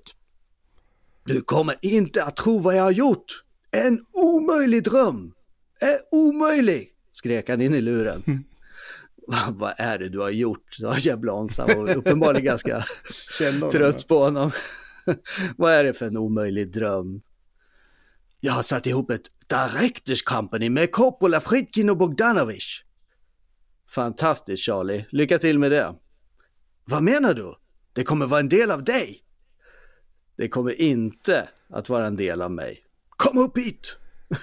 Blue Dawn mötte då Jablons med ett bländande leende, flankerad av de tre regissörerna. Då. Men Jablons eh, lät sig inte övertygas. Han eh, tyckte att det var en riktig skitidé. Det var den dummaste idén som Blue Dawn någonsin hade kommit med. Varför ger du dem inte bara ett bolag, Charlie? Vad betalar du mig för? Ni håller ju på med en egotripp som kommer sluta med en hög av skräp. Ni är inte exklusiva. Ni kommer sticka iväg och göra filmer för andra. I det här laget så kunde inte den hetlevrade Friedkin hålla sig längre. Han reste sig upp och skrek Frank, du är sån jävla skitstövel. Jag fattar inte varför vi sitter här och ens har den här konversationen. Blue Dawn bad Friedkin att stanna varpå Friedkin sa åt honom också att dra åt helvete och lämnade sviten. Det här var ju bara början. Ja, ja. eh, trots detta så var ju alla de tre regissörerna så nyfikna på va, vart det här kunde ta vägen. Att de sansade sig och gick vidare med det här projektet. Jablons var fortfarande emot det. Det sista han ville var att ha ett satellitbolag som han inte kunde kontrollera men som tog pengar ur hans budget. Han skyllde allt på Coppola. Det här var ju Coppolas dröm och han hade lärt sig att spela Blue Dorn som en Stradivarius. Han framställde sig som stackars lilla mig, allt jag vill göra är mina filmer. Han går omkring i sina Puma-sneakers och manchesterkostym medan han flyger jets och åker långa limos. Han är en riktig Mercedes-marxist. Men Jablons lät dem hållas, insåg han. De kommer att äta varandra levande. Ger du regissören makten och han får springa iväg och göra vad han vill, då kommer han att stå där i en hög med skit till slut. Han förstod att det inte var lönt att ta fighten. Istället så lutade han sig tillbaka och betraktade spektaklet. Och Jablons hade ju inte fel. För det här var ju tre egon som var så fulla av sig själva att det inte fanns någon ända på det. Coppola bjöd över Friedkin och Bogdanovich till sitt residens i San Francisco. George Lucas fick laga middag åt dem. Han fungerade numera som Coppolas assistent. En, skulle ändra sig. Ja, precis. Men där och då så var han en allt i allo hos Coppola som gjorde det som Coppola bad honom om. Coppolas hus var ett ständigt eh, party där nya flickor kom varje dag för att bada i poolen. När Eleanor eh, Coppola, då, Francis fru, gick upp och nattade barnen gick Francis ner till poolen för att förlusta sig. Eleanor hade förvandlats till Kate Corleone. Friedkin gillade även han att festa, men när han fick frågan av Coppola om han ville flytta ner till San Francisco så de kunde jobba närmare varandra drabbades han av avsmak. Han ville inte bli ännu en bricka i Coppolas entourage. Bogdanovich på sitt håll var helt övertygad om att han var den nya Orson Welles. Och han förde sig ju såklart därefter. Sybil Shepard var ju fantastisk i The Last Picture Show, men enligt Bogdanovich så var det ju han själv som var stjärnan. Till en journalist så sa han, hon började som en viskning i mitt öra, som jag lyssnade på. Hon är väldigt värdefull. Man kan böja henne i vilken riktning man vill. Hon gör det som hon blir tillsagd. Bogdanovich och Shepard var dessutom ett par som prydde i stort sett varenda magasin med självaktning på den här tiden. Så det var ju ett spännande sätt att uttrycka sin kärlek på, får man säga. Ja, du är snäll du. Coppolas första film för The Directors Company skulle vara The Conversation, baserat på ett gammalt manus som han själv hade skrivit. Friedkin var inte nöjd med det. Han tyckte bara att det var en blekare kopia av Antonionis Blow-Up, men med ljud. Bogdanovich tyckte ännu sämre om den. Francis sa att det var en sorts Hitchcock-film. Det blev inte en sorts Hitchcock-film, menade han. Men de fick inte lägga veto då för varandras projekt. Det var ju en del av överenskommelsen. Och vid en presslunch i New York den 20 augusti 1972 lanserade Paramount The Directors Company. Bolagets första film blev The Conversation. Mm. Och när jag sa då att eh, Gene Hackman etablerade sig som en hetsig typ i French Connection så är det här en helt annan slags Hackman som vi ser i Conversation. För att den filmen handlar om en ganska nördig, jazzälskande katolsk avlyssningsexpert som sköter sitt eget liv och lever som ensamvarg. Och det var en jäkligt svår roll för Hackman, för Hackman att uh, spela och han var irriterad och stingslig under inspelningen eftersom han var så osäker på hur han skulle spela. Ja. Men hans karaktär då är ju bäst i branschen på sitt jobb och vill man ha någon buggad så är det Harry Call, alltså spelad av Hackman då, som man vill ha tag i. Men under filmens gång så drabbas han av samvetskval. Dels då på grund av sin tro och så får han ångest eftersom han misstänker att, han, att ett ungt par som han har buggat är i fara. Mm. Så han utvecklar en form av paranoia under filmen och tror sig själv vara avlyssnad. Och letar igenom mikrofoner i hela sitt hem och så vidare. Och för Coppola så är det här en av hans favoritfilmer. Och den vann ju även Guldpalmen i, i Cannes. Och den är ju precis som Bogdanovich, eller förlåt, som Friedkin sa, så är det ju en form för avlyssningens blow-up. Det, och, och det säger ju Coppola öppet också, att den är ju väldigt inspirerad av blow-up. Bara med ljud då istället för fotografi. Och så har den just den här samma slags krypande thrillerkänsla i sig liksom. Ja, Jag fattar faktiskt inte på, på riktigt varför de är så, hans Bogdanovich och, och, och Friedkin, det är klart att de var fulla av sig själva, men de hade ändå bra smak liksom. Och det här var Ja. ju en bra, alltså jätte, jättebra film. Eh, Ja, det är ju det. Den är ju skitbra, men jag vet inte om det är för att de kanske just liksom såg så tydliga paralleller då till eh, en av deras idoler och eller att de var, eller, eller kanske helt enkelt för att de ville att de skulle, skulle tjäna fler pengar och att de tänkte att nej kommer fan inte någon vilja se. Ja, ja, så kan det också vara. Eller att de var, var avundsjuka helt enkelt. Det Ja, det visst, så kan det också vara. Men eh, ja, alltså hur som helst, The Conversation är ju en väldigt tidstypisk film. Jag tänkte på det just att den har buggning som tema. Precis i ekot av Watergate-skandalen då som ju byggdes upp med hjälp av, av buggning. Den borde ju ha fått Ja. en liten skjuts där liksom. Ja, man. precis. Alltså det var ju till och med insåg Coppola och han fick ju en chock när hela Watergate-skandalen började rullas upp för att det var ju precis samma eh, sätt som de buggade på i Watergate som i hans film. Ja. Så att han blev ju helt såhär, fuck, tänk att det här händer i, i verkligheten liksom. Mm. Ja, eh, för den som är liksom är intresserad av Exorcisten, vi kommer dit. Ja, en liten utvikning får vi säga. ja I lite alla fall, inspelningen av The Conversation då startades tätt in på lanseringen och avslutades i, i mars då 1973. Varpå Coppola bjöd hem Friedkin eh, för en eh, liksom tidig grovklippt version. Och Friedkin menade att det var som att se på färg som torkar. Efter visningen så gick Francis runt i sitt entourage då och frågade folk vad de trodde att filmen skulle spela in. Och han fick de mest löjeväckande svar, enligt Friedkin då. Friedkin sa att eh, har vi tur så kan vi få in 500 000 på den här filmen. Men det var ju en första klippning, sa Coppola. Du frågar mig, jag svarar, sa Friedkin. Det finns ingen story, jag hatar verkligen den filmen, sa han. jag hoppas du har fel, sa Coppola. Det hoppas jag med, sa Friedkin. ja, det är lite tufft att säga till sin vän att han hatar hans film. Liksom. Ja, framförallt Under om du ska starta bolag. Ja, under tiden så gjorde Bogdanovich då eh, publik och kritikersuccé med sin första film för The Directors Company. Paper Moon. Mm. Och motsatt till Conversation och French Connection så har ju Paper Moon inte alls någon sån här skitig dokumentärkänsla. Utan det är ju en, en film som är eh, filmad i svartvit, eh, svartvitt och som är en komedi som utspelar sig under depressionen i USA. Och det är en berättelse om en bibelförsäljande, ja apropå bibel, sälja biblar då, så var det ju, det var ju en, en känd, eh, eh, vad heter det, verksamhet som många gjorde under den där tiden. Ehm, eh, och eh, han är en sån här fake, fake eh, bibelsäljare. Ehm, eh, som fuskar och bedrar och så vidare. Och hans eh, relation med en ung flicka som kanske är hans dotter. Det framgår inte helt i filmen om det är det, men det är många som spekulerar i om det nu är hans dotter. Det enda vi vet i alla fall är att hans, flickans mamma är död. Och i rollerna så hittade vi då far och dotter i verkligheten. För det är Ryan O'Neill som spelar mot eh, Tatum O'Neill.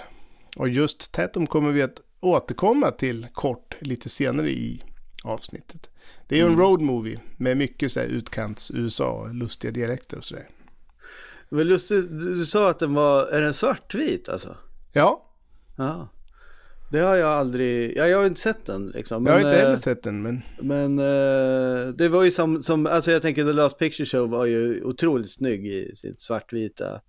Jag har Mm. alltid trott bara att den var en färgfilm, men det är ju, är... jag fick för mig att eh, affischen var en, en färgaffisch. Jag har alltid tänkt att den är i, i, i färg. Men Ja. eh, det är en svartvit film. Ja, ja. Ja, vi kommer ju som sagt återkomma till, till den lite senare. Men eh, här och nu då så kan vi bara konstatera att eh, succén inte gjorde nytta för Peter Bogdanovich eh, sociala färdigheter. För han gick omkring då med recensioner av filmen i sina fickor. Som han mer än gärna drog fram när rätt tillfälle gavs.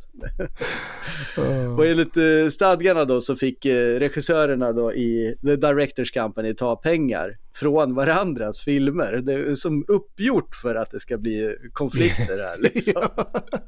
Så Coppola tog, han tog således då 300 000 dollar ur Paper Moons vinst. Och Friedkin gjorde ju samma sak då utan att ens ha gjort en film för, för bolaget. Och Jablons då upplyste förstås Bogdanovich om det här och det fick ju önskad effekt. Bogdanovich blev förbannad helt enkelt. Så hoppade Bogdanovich direkt in i nästa projekt, Henry James-adaptionen Daisy Miller. Det skulle ju visa sig att Bogdanovich redan hade sett sin sista succé i karriären och eh, Daisy Miller skulle bli The Directors Companys sista film.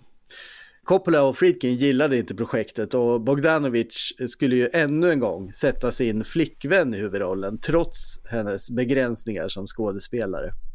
Det duggade tätt med synpunkter på varandras projekt. Och eh, det visade sig till slut då att Friedkin fick rätt om The Conversation, för den floppade.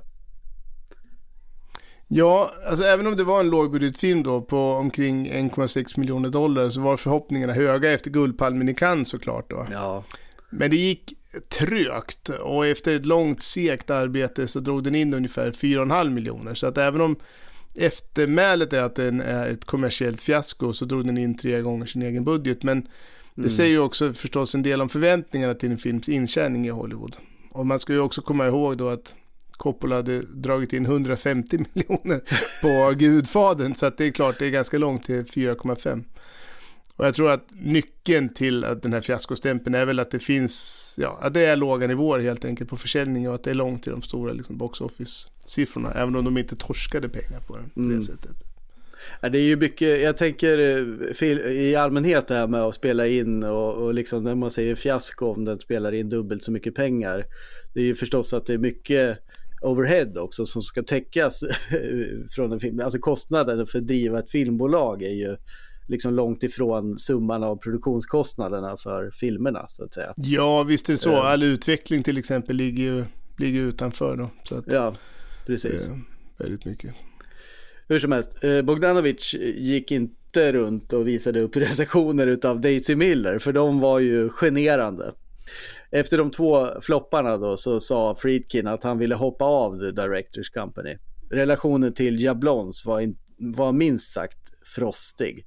Han ville inte vara en del, menade han, av ett företag med en ledning som försökte sabotera för företaget. Och med Billys avhopp då så rämnade resten. Och det fantastiska bolaget då gick ju i graven 1974, lika snabbt som det hade uppstått. Friedkin hann eh, aldrig göra någon film för det och redan innan dess grundande så var han ju signad för sitt nästa projekt.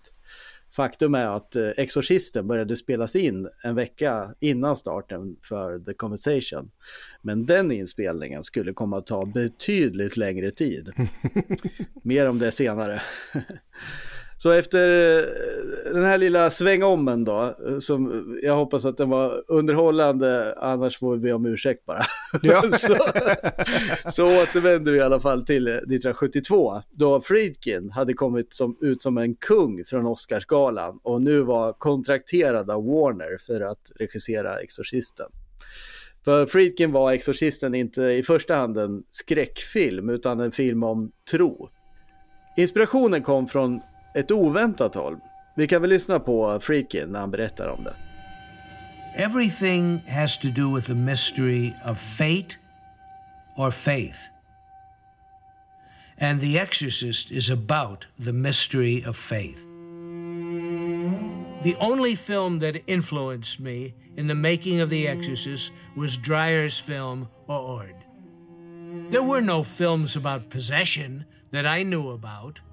There were no religious films that weren't really soppy at the time, like the Ten Commandments. It was largely spectacle. Ord is a simple, elegant film. It's so beautifully staged and photographed, and it contains elegant simplicity to show what amounts to literal resurrection in the film. I can't watch it without bursting into tears. You totally believe it. There is no question that this is happening. It's not a cinematic trick. Ja, man hör ju knappt vad han säger, men det är alltså den eh, danske reg- mästerregissören, får vi säga, Carl Theo Dreyers ordet som är inspirationskällan här. Mm. Vi pratade ju lite om ordet i avsnittet om Breaking the Waves. Eh, och det är ju en väldigt lågmäld och tyst film om tro. Som kom i mitten av det annars ganska så förfärliga 50-talet. Eh, Dreyer hade ju sett en teaterföreställning av Kai Munk som han då ville filmatisera. Och det finns faktiskt, det vet jag inte om du visste om, men det finns faktiskt en svensk version av eh, filmen innan Dreyer gjorde ordet. Jaha, Eh, som- eh, nej, då hade du nog känt till. ja, Filmen handlar i alla fall om tro då. Och den utspelar sig i en liten bondhåla i Jylland.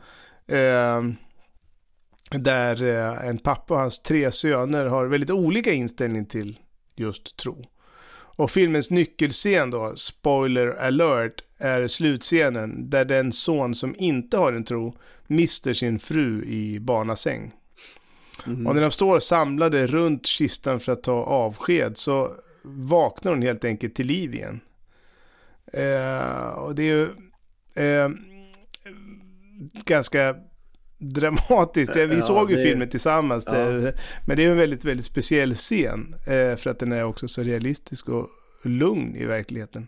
mm, Ehm, och det var just det här miraklet som von Trier då tog fasta på i Breaking the Waves och ville, ja. där ser man ju verkligen ja, likheterna.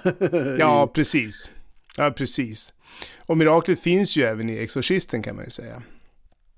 Ja, på sitt sätt. Ja. För, och sen finns det ju en del jämförelser också i den där fysiska inramningen med män som står bekymrat och tittar på en kvinna som ligger i en säng. Det, det är ju ganska många scener som, som är så. Ja, det har du helt rätt i. Ja. Och sen var det faktiskt också så som eh, inte jag var medveten om, men på, och det var ju helt nytt på 50-talet i alla fall, att den hade liksom ganska modiga grepp då med amatörer som statister. Um, för att det här eh, den, fenomenet med den formen av uh, religionsstyrkan är väldigt stort. Uh, även fortfarande i Jylland finns det ju väldigt religiösa småstäder. Där de, och de användes då som, som sig, spelade sig själva i, ord, i, i ordet. Och ja. även Friedkin kommer ju använda statister, eller vet du, amatörer som statister i Exorcisten. Ja, det var ju, jag tänker på flera saker där. Dels som sagt i Breaking the Waves, där det är också statisterna var ju ja. locals liksom. Och sen ja. eh, just här på 70-talet med både Gudfadern och liksom Exorcisten och andra filmer som vi kommer till är samma sak där. Att mm. det, det, var viktigt för dem att, att ha ja, den här realismen liksom. Ja, precis. Fånga med. Lite. Ja. Nej, men det är nog det som går igen liksom. Ja. Eh, och den här lågmäldheten i ordet ligger ju faktiskt exorcisten ganska nära. Det är ju till stora delar en ganska, eh, liksom det, det, det, det är ju inte det som etsar fast sig i minnet, men det är ju en ganska lågmäld film, alltså Exorcisten, i, ja. om man liksom bortser ifrån den här sista halvtimmen. Och eh, Friedkin ville ju då orkestrera den som ett musikstycke utav Stravinsky och liksom sakta, sakta bygga upp den här stämningen då till ett, ett klimax. Mm. Och det är ju en av filmens stora tillgångar skulle jag säga. För den byggs ju upp på ett väldigt fint och bra sätt. Det ger liksom mycket tid till eh, och liksom bryr sig om sina karaktärer. Vi får liksom lär känna Regan som en vanlig flicka och hennes mamma etc. Vi får också veta hur hon är innan hennes beteende förändras, vilket ju såklart är väldigt avgörande. Och tempot mm. är långsamt. Eh, och sen så blir det liksom full, full fräs. Ja, det, det har ju ett väldigt tydligt klimax får man säga. Det får man säga. ja, men nu har vi kommit fram då till rollbesättningen och det är ju ganska intressant. Det är intressant, absolut. Eh, och eftersom det var så stort intresse kring Exorcisten, eh, liksom i kölvattnet och på bokens succé och eh, det faktum att William Friedkin numera var ett affischnamn så ville ju Warner ha en stjärna i den ena huvudrollen då, rollen som Chris, alltså mamman till Regan. Mm. Och hon är ju en högt uppsatt skådespelerska. Ja. En, alltså en filmstjärna, vilket är ja, också är intressant. Ja, det är ett lustigt grepp, ja. Ja. Men det har hon så, ju i boken också, så att... Ja, ja, det, ja, men det kanske hade med Bladys, att han hade den erfarenheten som han hade liksom från Hollywood. Jag vet inte. Ja, ja, så kan det ju vara. I alla fall, eh, hon bor ju då i ett stort hus tillsammans med en massa tjänstefolk. Eh, och eh, ja, hon är ju van att ta kontroll och bli åtlydd. Så hon ställs ju då, hon har ju massa tjänare då, liksom som sagt. Och, och nu så ställs hon inför en situation då där hon tappar all kontroll och blir misstrodd och avvisad. Eh, ofta av eh, manliga auktoriteter då, som hon blir tvungen att sätta sin tilltro till. Mm. Audrey Hepburn erbjöds den här rollen. Men eh, hon eh, kom med villkoret då att de i så fall skulle spela in filmen i Rom, där hon hade spelat in klassikern En prinsessa på vift. Eh, och som sedan då blev hennes hemstad. Och det är också någonting vi kommer återkomma till senare, utan att spoila någonting. Men att eh, spela in Exorcisten i Rom var inte aktuellt då. Eh, för det skulle ju då öka den redan eh, ganska höga budgeten. Så frågan gick ändå då vidare till Anne Bancroft eh, från Mandomsprovet bland annat. Eh, och hon ville ju göra, gärna göra den här rollen, men om ett år. För att hon hade ju precis fått reda på att hon var gravid. Jane Fonda fick frågan, men hon kallade ju filmen för exploaterande kapitalistisk smörja. Och det var inte sista gången i den här podden heller som hon har satt sig på sina höga hästar. Så ringde Ellen Burstyn upp eh, William Friedkin och berättade att hon var mycket intresserad av den här rollen. vet du vem jag är? frågade hon. Ja, det är klart, svarade Friedkin. Men han hade inte en blekaste aning. Så eh, berättade hon att hon hade varit med i The Last Picture Show. Eh, hon hade fått ett rykte om sig att vara en bra skådespelerska. Friedkin kunde fortfarande inte riktigt eh, placera Burstyn, men han nämnde till sin producent i alla fall att han övervägde henne för rollen, för hon hade argumenterat väldigt övertygande. Och reaktionen han fick då från producenten var att det var över min döda kropp, vilket ju kanske då var exakt det som triggade Friedkin. jag vet inte. Henne Det var ju sånt ha. han gick igång på. Ja. Bladdy ville ha Marlon Brando i rollen som fader Karras, men där la Friedkin in sitt veto. Titta vad som hände med Gudfadern. Det blev ju Brandos film. Och det gillade inte Friedkin, för där var han och Bogdanovich lika. De ville inte dela med sig av rampljuset. Warner ville ha Jack Nicholson, Burt Reynolds, Dustin Hoffman eller Warren Beatty. Det var fräscha ansikten som alla hade slagit igenom de senaste åren. Och de var stjärnor, något som kunde bära den här filmen. Och det var det som var problemet, för att Friedkin ville inte ha stjärnor. Han ville, ha, han ville inte ha skådespelare som associerades med annat.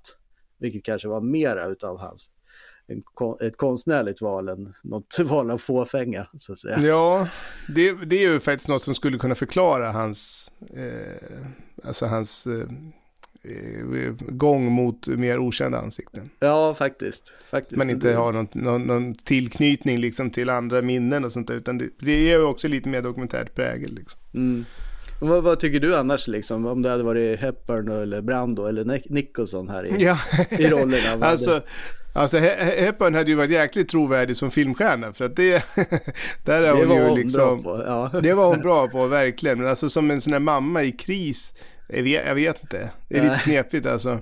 Och Brando som tvivlande präst är ju inte alls svårt att se framför sig. Nej, I och för sig. det hade funkat. Alltså, ja. det hade nog funkat. Och det kanske hade blivit hans film, det vet jag inte. Men, eh, men det, det är i alla fall inte fel tänkt tycker jag.